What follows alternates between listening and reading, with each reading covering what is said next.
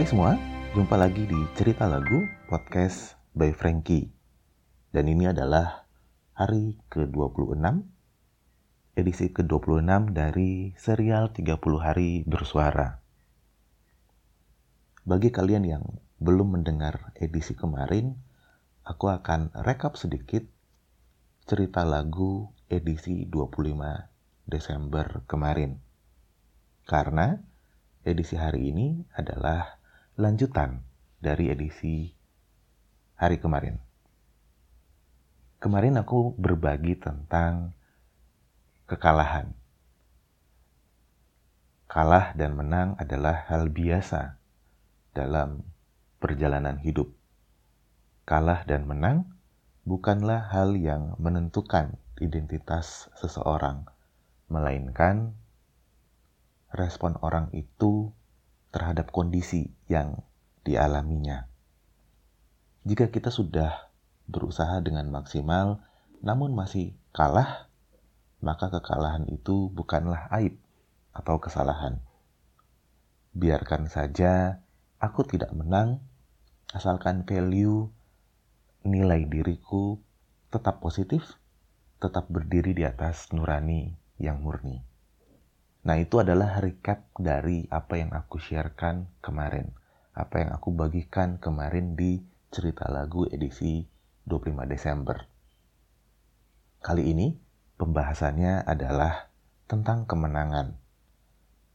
Seberapa pentingkah kemenangan jika kebenaran tak lagi dicari?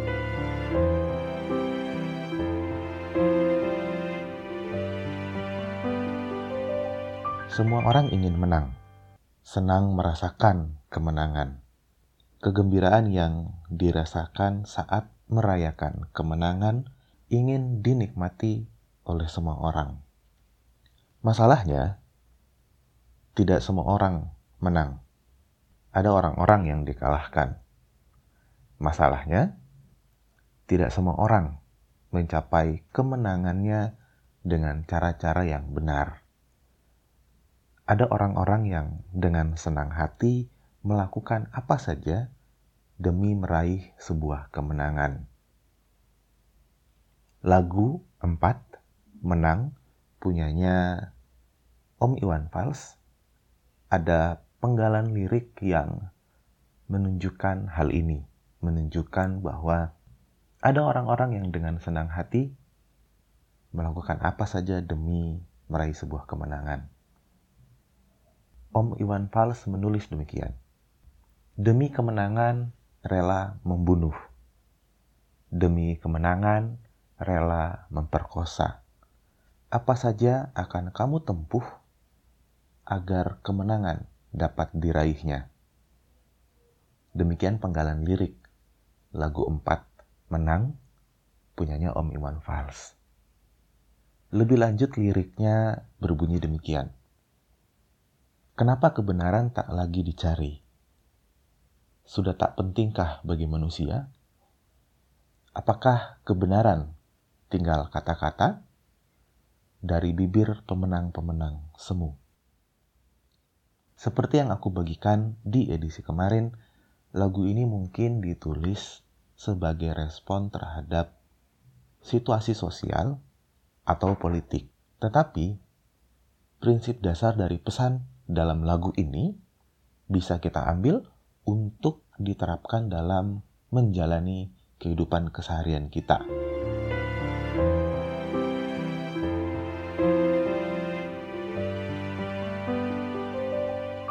Demi kemenangan, ada orang yang rela membunuh. Mungkin bukan membunuh secara fisik, tetapi kebanyakan orang senang membunuh karakter orang lain hanya demi mencapai sebuah kemenangan. Bukankah dalam beberapa tahun belakangan banyak contoh orang-orang yang dibunuh karakternya? Banyak berita hoax tentang seseorang yang dengan mudah disebar sehingga orang itu dibenci, sehingga orang itu dibunuh karakternya.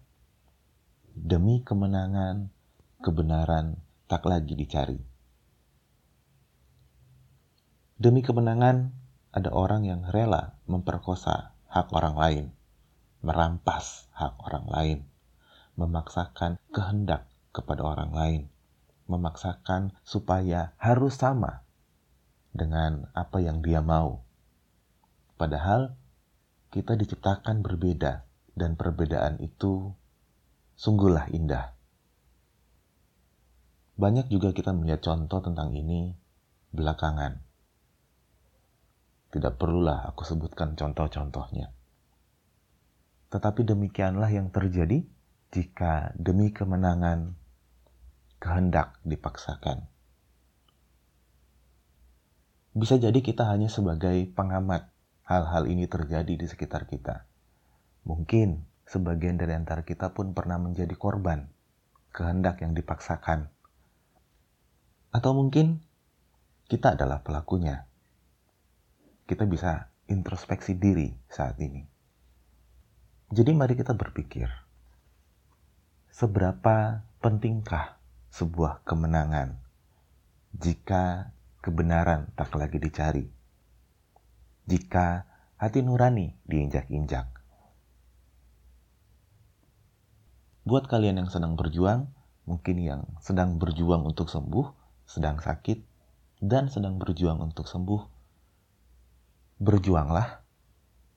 Berikan yang terbaik dalam perjuanganmu supaya bisa segera sembuh. Yang sedang berjuang dalam pekerjaan, usaha, atau bisnis, berikanlah usahamu yang terbaik. Yang sedang berjuang dalam relationship, berikanlah yang terbaik kepada pasanganmu. Jadilah versi diri kita yang lebih baik lagi. Meningkatkan kualitas diri untuk menjadi pribadi yang lebih baik lagi. Raihlah kemenangan dengan cara yang benar dan tetap dengan hati nurani yang murni. Aku Franky pamit. Sampai jumpa di edisi podcast selanjutnya. Bye bye.